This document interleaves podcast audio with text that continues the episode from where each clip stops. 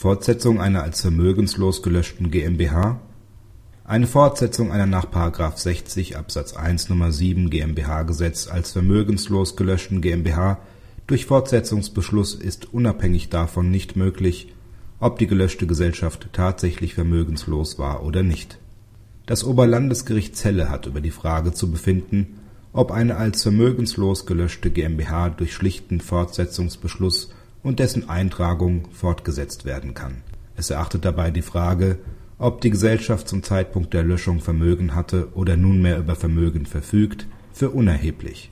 Zwar ist bei noch vorhandenem Vermögen eine Beendigung der Gesellschaft durch die Löschung im Handelsregister nicht eingetreten, vielmehr führt die Löschung der GmbH nach § 60 Absatz 1 Nr. 7 GmbH-Gesetz im Handelsregister nur dann zur Beendigung, also zum Löschen der juristischen Person wenn sie tatsächlich vermögenslos ist.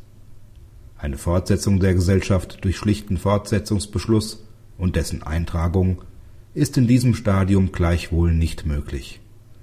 Dies gilt nicht nur dann, wenn die Gesellschaft beendet ist, also wenn die gelöschte Gesellschaft tatsächlich vermögenslos war, sondern auch im Fall der nach § 60 Absatz 1 Nr. 7 GmbH-Gesetz als vermögenslos gelöschten, tatsächlich aber nicht vermögenslosen Gesellschaft in beiden Fällen führt die Zäsur der Löschung im Rechtsverkehr zum Anschein der Beendigung der Gesellschaft.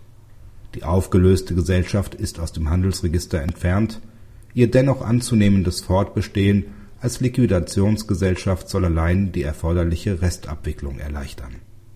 Praxishinweis Die Frage, ob die wegen Vermögenslosigkeit gelöschte tatsächlich aber wegen noch vorhandenem Vermögen nicht beendete Gesellschaft fortsetzungsfähig ist, ist umstritten.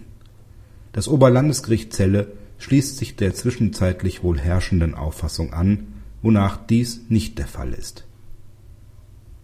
Oberlandesgericht Celle Beschluss vom 3.1.2008 9 W 124 aus 07 Beck RS 2008 02674